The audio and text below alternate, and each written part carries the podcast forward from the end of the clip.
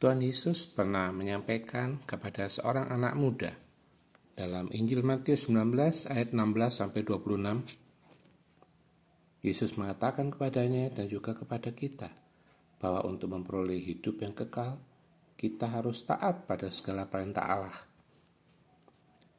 Yesus kemudian merinci perintah-perintah Allah tersebut dalam ayat berikutnya.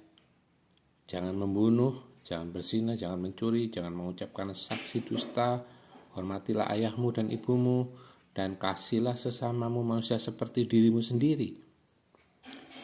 Semua itu sudah dituruti oleh pemuda kaya tersebut dan masih relatif bisa kita lakukan. Tapi ternyata itu belum cukup. Apa yang masih kurang? Yang kurang adalah sebagai berikut. Jikalau engkau hendak sempurna, Pergilah, jualah segala milikmu dan berikanlah itu kepada orang-orang miskin, maka engkau akan beroleh harta di surga. Kemudian datanglah kemari dan ikutlah aku, kata Yesus. Itu akan terdengar sangat berat, bahkan mustahil bagi kebanyakan orang, termasuk orang yang katanya percaya sekalipun.